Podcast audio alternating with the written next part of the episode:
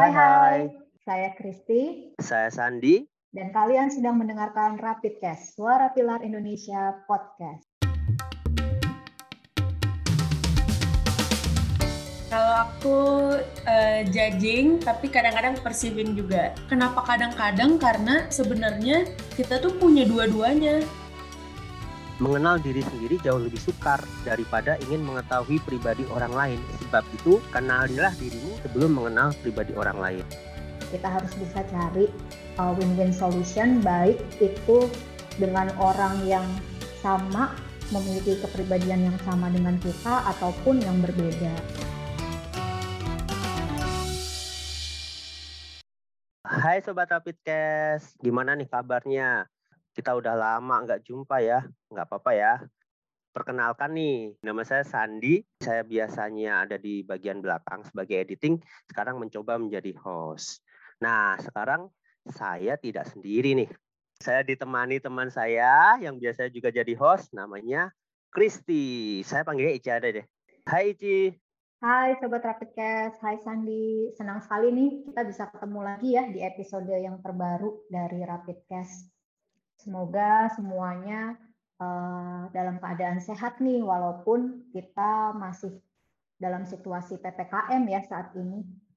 Dan sekarang udah level 4 ya. Semoga iya. segera usai ya ini coronanya. Semoga segera Amin. kita berkegiatan seperti biasa lagi, seperti dulu ya bisa keluar rumah. Nah, ngomong-ngomong PPKM nih, Ici kalau kamu di waktu PPKM ini, itu nggak sih uh, di rumah terus ya berarti ya?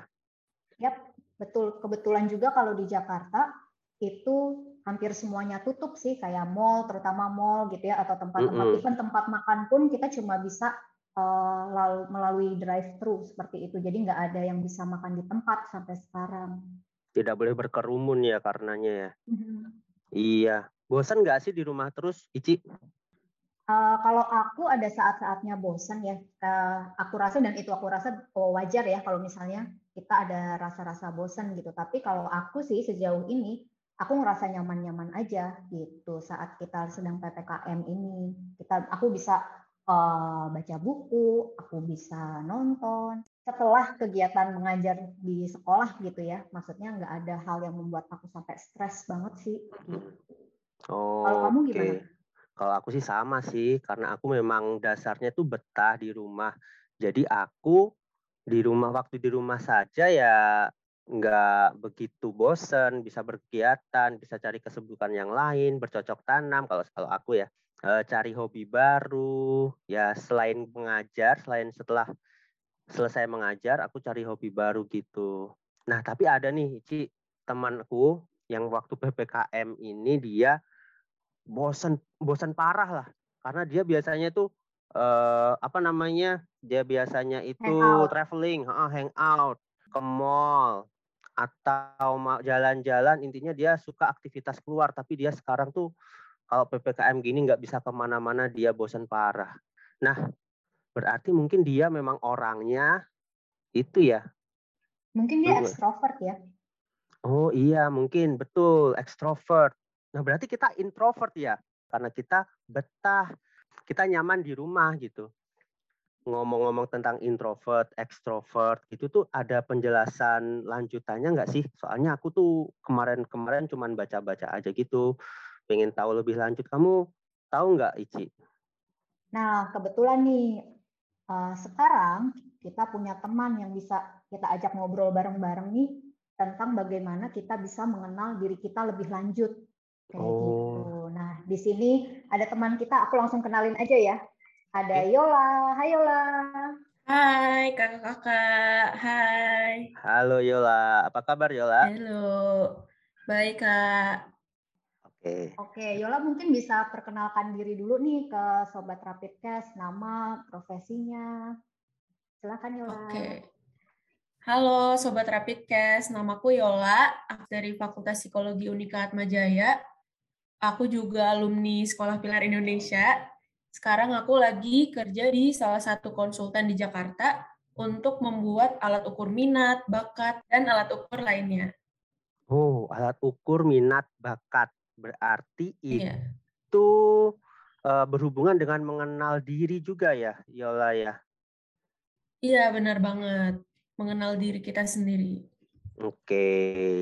Nah, berarti pas banget nih, pas banget Yola ada sama kita ya, Sandi ya. Nah, di episode ini kita akan berdiskusi bersama-sama tentang bagaimana cara kita bisa mengenal diri sendiri. Dan memang aku sedang apa ya, sedang pengen tahu banget nih.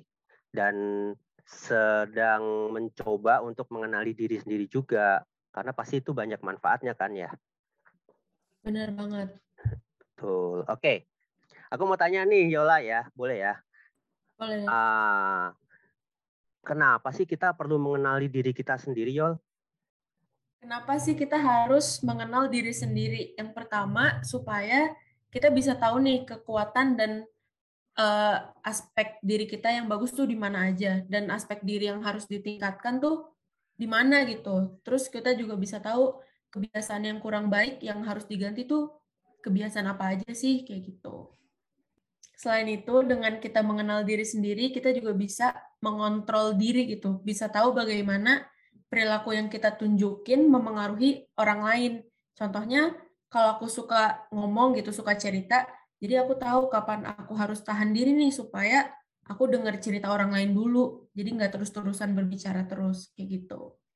Nah, tapi nih yo, mungkin nih uh, Sobat Rapid Cash masih banyak yang belum tahu ya, bagaimana sih cara kita bisa mengenal diri kita nih. Karena kan ini pasti challenging sekali ya. Kalau menurut aku sendiri sih kita lebih mudah menilai orang lain daripada menilai atau mengenal diri kita sendiri gitu. Nah mungkin Yola Yola bisa kasih informasi nih ke sobat Rapid Test cara-cara supaya kita bisa mengenal diri kita lebih baik lagi. Jadi kalau misalnya kita mau kenal diri kita lebih baik lagi, itu biasanya kita sebut sama kita sebut dengan self awareness. Nah, untuk kita mencapai awareness akan diri kita, kita harus melakukan self reflection. Self reflection itu apa? Eh, self reflection itu gimana cara kita berkaca ke diri kita sendiri, menilai diri kita. Untuk mencapai hal tersebut ada banyak caranya nih. Salah satunya kita bisa mengisi atau mengerjakan alat tes. Contohnya MBTI dan DISC. MBTI itu kepanjangannya Myers-Briggs Type Indicator. Sedangkan kalau di IS itu eh, empat tipe personality yaitu dominance, influence, steadiness, dan compliance. Jadi dengan mengisi alat ukur tersebut kita bisa tahu kita orangnya kayak gimana sih. Gitu. Oke, jadi ada alat ukurnya ya untuk me membantu kita untuk self reflection tadi ya, self, untuk meraih iya, self awareness tadi ya. Kalau bisa dijelasin nggak Yola, MBTI itu uh, dan D apa tadi DISC ya kalau nggak salah ya. DISC ya. itu apa aja sih? Penjelasannya ada bisa dijelaskan lebih lanjut nggak? Oke. Jadi MBTI itu dia punya empat aspek nih. Yang pertama ada extraversion introversion, sensing intuiting, thinking feeling, sama judging and perceiving.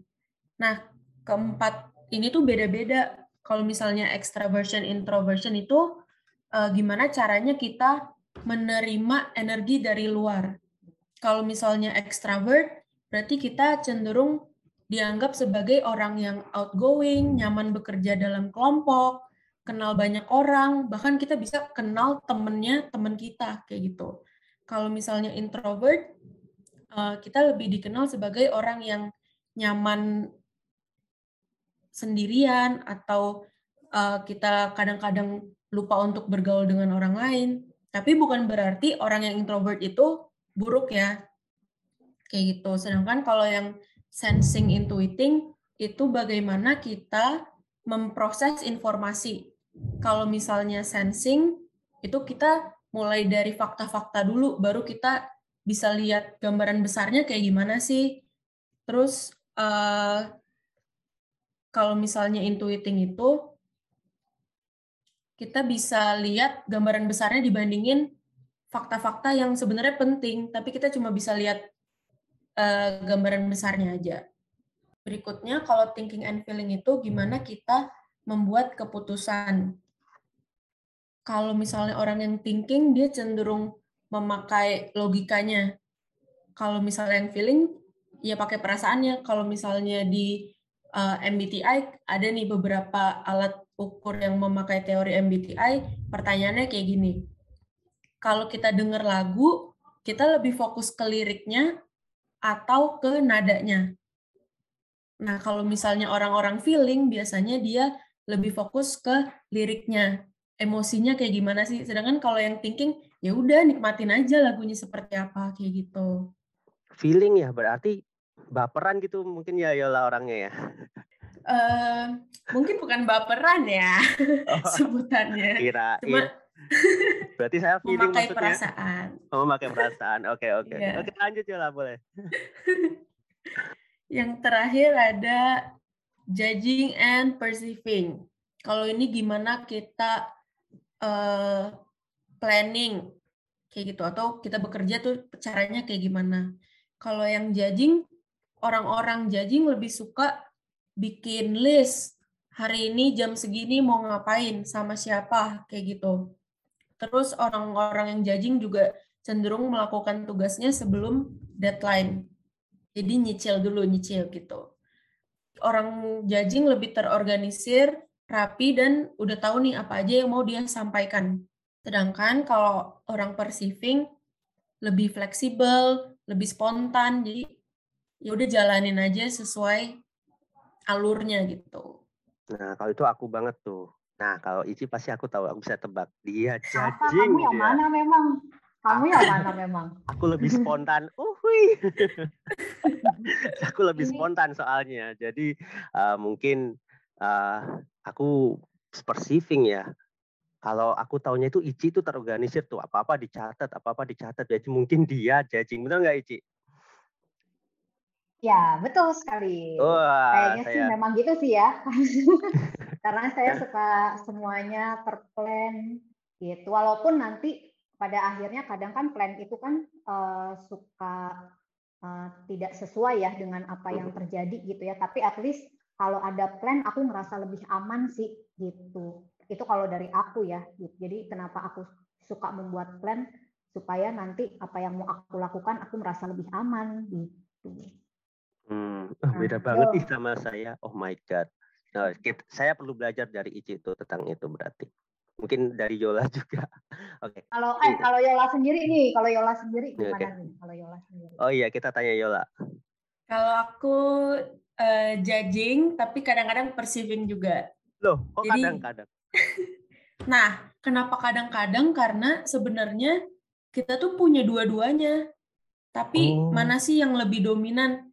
Mana yang kita pakai di situasi tertentu? Misalnya kalau lagi skripsian kemarin, aku judgingnya tuh muncul banget tuh. Jadi bikin jadwal hari ini ngerjain bab berapa, kapan ketemu dosennya kayak gitu. Sedangkan kalau misalnya lagi liburan, perceivingnya muncul santai, ntar-ntar aja mau jalan-jalan ke mana, ke mana aja gitu. Oh, nah, gitu. ini berarti menarik ya, menarik ya. Berarti um, kita ternyata punya aspek-aspek itu semua ya, bukan berarti kalau introvert hanya introvert aja, kalau misalnya kita ekstrovert hanya di ekstrovert aja. Nah, ini nih yang mau aku tanya juga nih. Ini kan menarik ya, fakta yang menarik ya, bahwa kita sebetulnya semuanya punya nih si unsur-unsur ini, introvert, extrovert, perceiving, judging, dan yang lainnya.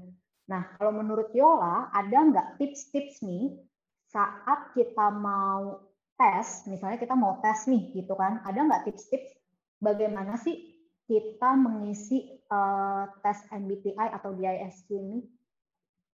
Oke, jadi ada nggak hal-hal yang harus kita lakukan? Oke, jadi tipsnya ini biasanya diingetin juga sama yang membawakan instruksi tesnya. Pasti diingetin untuk mengerjakannya secara jujur. Nah, selain jujur, kita juga perlu ngerjain apa yang kita rasain saat itu. Jadi bukan yang dulu aku orang kayak gini, itu lebih baik uh, tidak dilakukan. Tapi kayak saat ini aku orangnya seperti apa. Dan bukan juga seandainya. Contohnya, seandainya aku orangnya kayak gini-gini gini. Nah itu sebaiknya nggak dilakukan juga, tapi benar-benar aku orangnya seperti apa supaya hasilnya bisa akurat juga kayak gitu. Berarti harus jujur ya, harus jujur. Jangan iya. pilih Jangan pilih jawaban yang menurut kamu ideal, tapi menurut mm -mm. kamu kamu banget gitu kan ya? Iya, benar banget. Oke, oke. Nah, uh, Yola, ini kan MBTI ini sebuah alat ukur ya, sebuah tes. Nah, kalau sobat Rapid Test ada yang mau coba untuk mengukur dirinya lewat tes MBTI ini harus ke mana, Yola? Kalau online, MBTI bisa dikerjakan melalui website 16 Personalities, truty.com, atau myersbriggs.org. Oh, berarti bisa diakses online ya? Iya, bisa. Oke, jadi nanti Sobat Rapid Cash yang coba ingin menilai, eh, bukan menilai ya, ingin mengukur dirinya itu apa, apakah introvert, extrovert, apakah judging, perceiving, dan sebagainya, bisa uh, dicek di websitenya tadi yang sudah disebutkan oleh Yola, gitu. Ici udah coba belum, Ci? Aku udah pernah coba sih, beberapa waktu yang lalu. Cocok nggak? Cocok nggak menurut kamu? Uh, menggambarkan diri kamu banget nggak? karena waktu itu aku mengisinya dalam keadaan yang tenang gitu ya um, tidak dalam pressure tertentu dan memang mencoba untuk um, melakukan self reflection saat um, mengisi tes tersebut so far so far sih sesuai seperti itu oke so far sesuai ya jadi tergantung diri kita juga ya enggak enggak mungkin mungkin tidak 100% tapi uh, jika kita mengisinya tadi ya garis bawah cara jujur tidak memilih oh ini yang paling bagus yang ini aku mau memilih yang ini aja. Tapi oh ini yang aku banget. Itu mungkin uh, lebih bisa bisa dibilang ya oke okay, mungkin orang aku memang introvert mungkin aku extrovert seperti itu ya. Mungkin ya. Aku coba mau ambil ah tesnya aku mau coba aku belum nih. Kebetulan aku belum nih nanti aku coba nanti kita sharing-sharing ya. Oke nanti kita sharing-sharing. Tapi aku udah merasa aku kayaknya lebih introvert ya karena betah di rumah tadi nih betul ppkm baik-baik saja.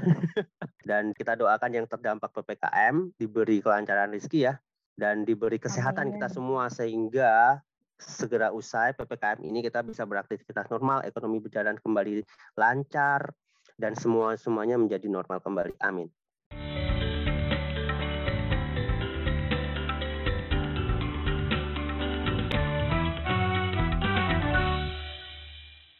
Nah, tadi udah seru banget nih kita ngobrol-ngobrol tentang kenapa sih kita perlu kenal diri kita dan uh, bagaimana cara kita bisa mengenal diri kita.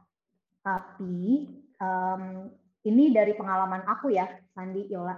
Mm-hmm. Kayak misalnya nih, aku udah melakukan self reflection gitu ya uh, tentang masalah kesabaran gitu atau masalah uh, santai atau tidak santai gitu ya. Nah, um, aku merasa aku tuh udah cukup santai orangnya gitu kan. Tapi mungkin orang-orang di sekitar aku nggak semuanya sih, mungkin beberapa dari mereka berpikir aku tuh belum santai, masih terlalu strict orangnya.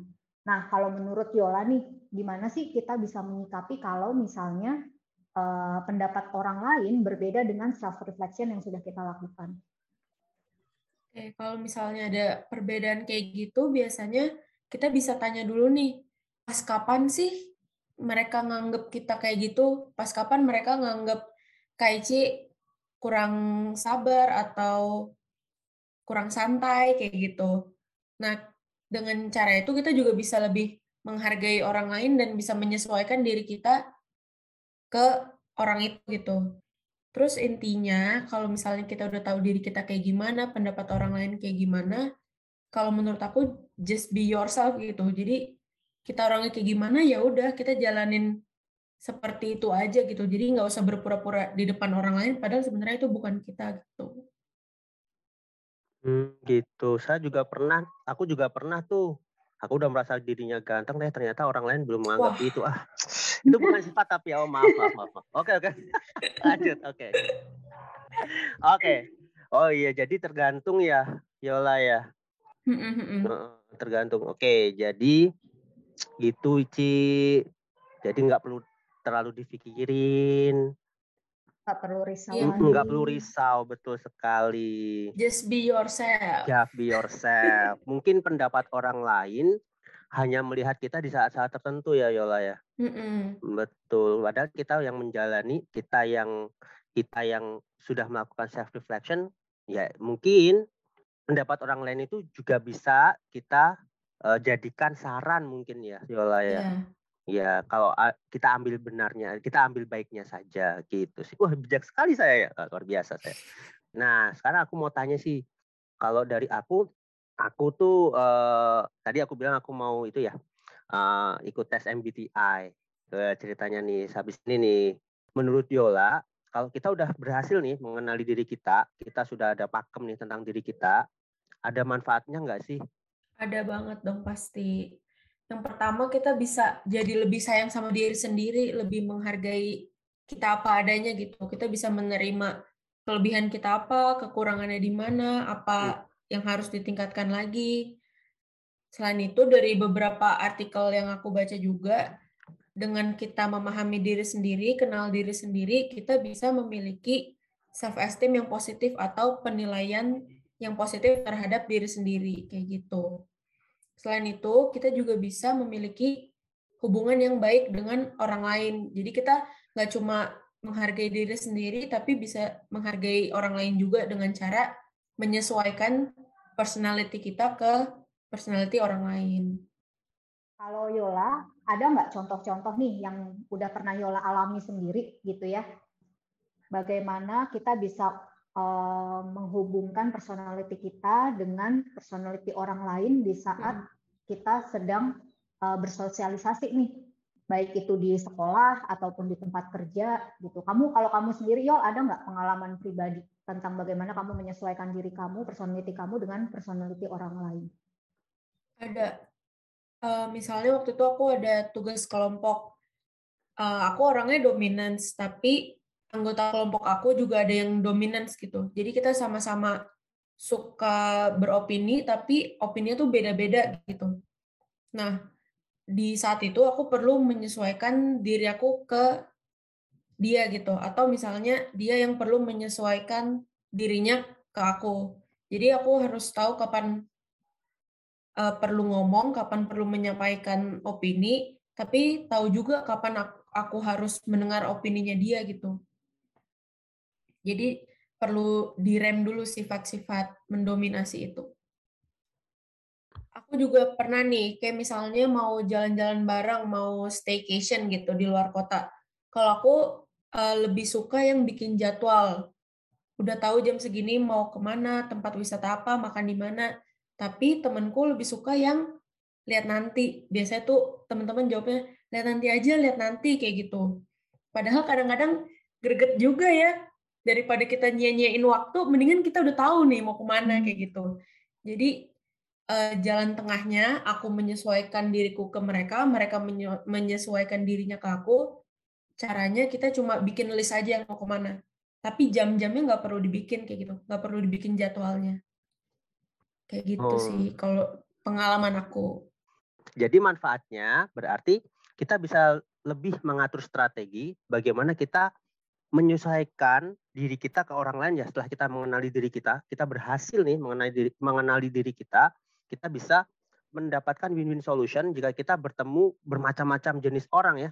Bermacam-macam sifat orang maksudnya. Bermacam-macam sifat orang. Jadi kita nggak self center ya. Jadi kita nggak egois iya, gitu ya maksudnya Yola ya. Oke. Okay. iya, uh.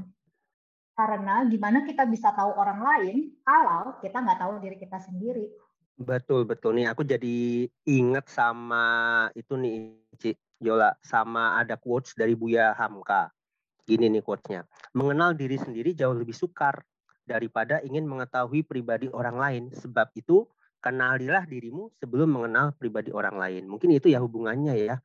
Quotes itu oh, luar biasa ya. Berarti uh, hubungannya dengan saat kita sudah mengenal diri kita, maka kita bisa bersikap lebih baik ke orang lain. Gitu ya. Betul. Betul, betul. Ya, setuju banget. Oke.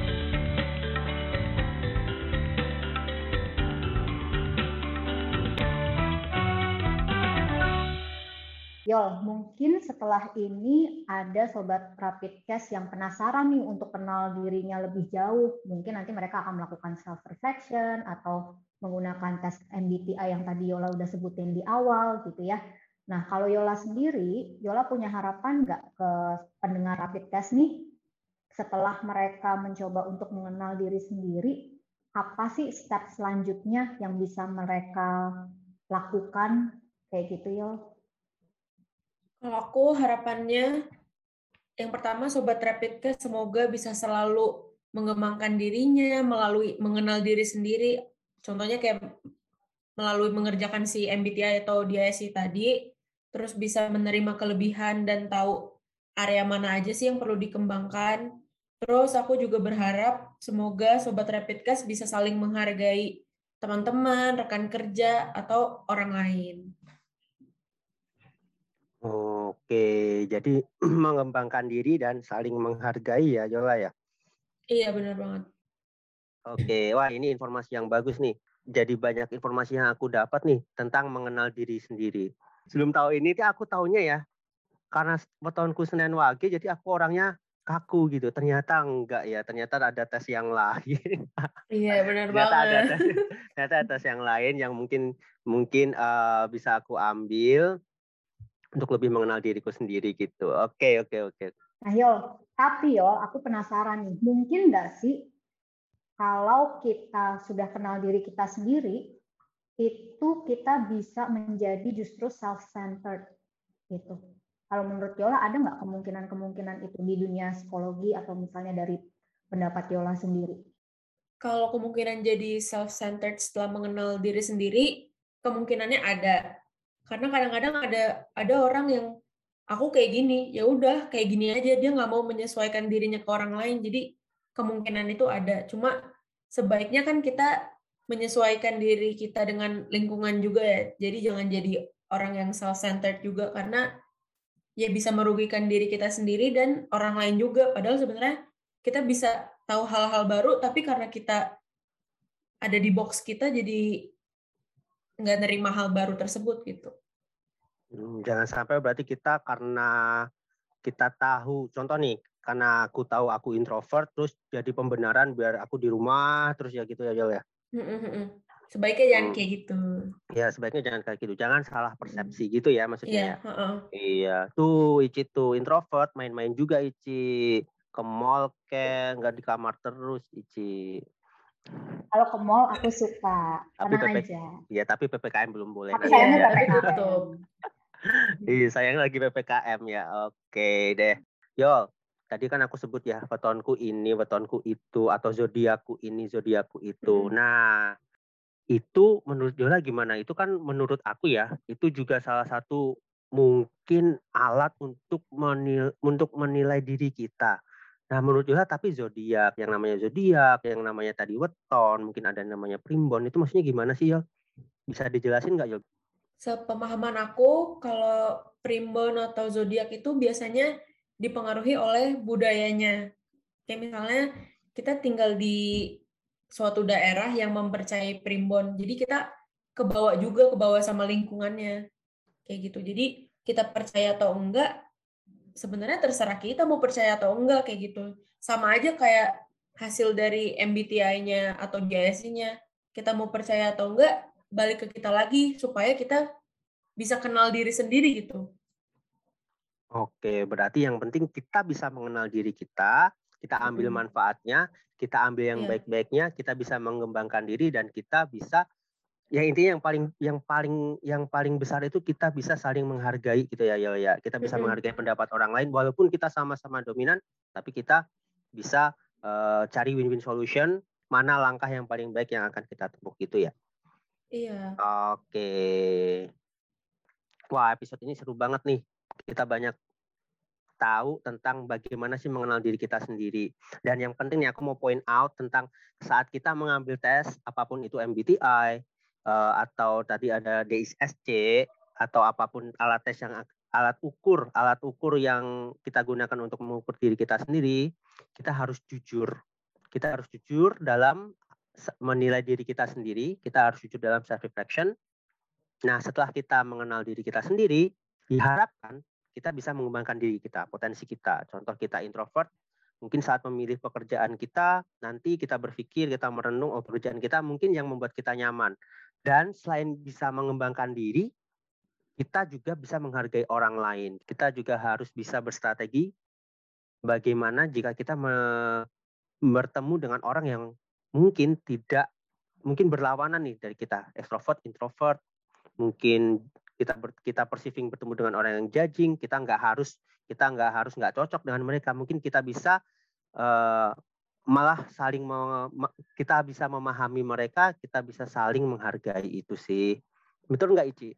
Betul banget San. Kalau menurut aku compromise itu adalah kunci utamanya gitu. Kita harus bisa cari uh, win-win solution baik itu dengan orang yang sama memiliki kepribadian yang sama dengan kita ataupun yang berbeda gitu. Nah, aku mau ucapin terima kasih nih ke Yola karena uh, sudah mau meluangkan waktunya ya sama kita ya San untuk saling ngobrol. Oke ya. iya, kita udah ngobrol-ngobrol, kita udah saling berbagi informasi. Banyak ilmu yang kita dapat ya, ya. Informasi ini berguna banget nih untuk bagaimana kita bisa mempersiapkan kita saat kita harus keluar uh, di dunia pekerjaan atau misalnya di bermasyarakat gitu ya. Betul, kita bisa mempersiapkan diri kita. Betul. Gitu. Terima kasih juga untuk Sobat Rapid Cash yang sudah mendengarkan episode ini bersama saya, bersama Sandi, dan juga Yola. Kalian bisa ikut menanggapi topik ini atau memberikan ide untuk topik selanjutnya dengan terus mengikuti Instagram kita at rapid.cast. Nah, jangan ragu-ragu juga untuk follow, share ke teman-teman kalian. Karena kita tahu sharing is caring. Kita berbagi karena kita peduli. Sampai bertemu di episode selanjutnya.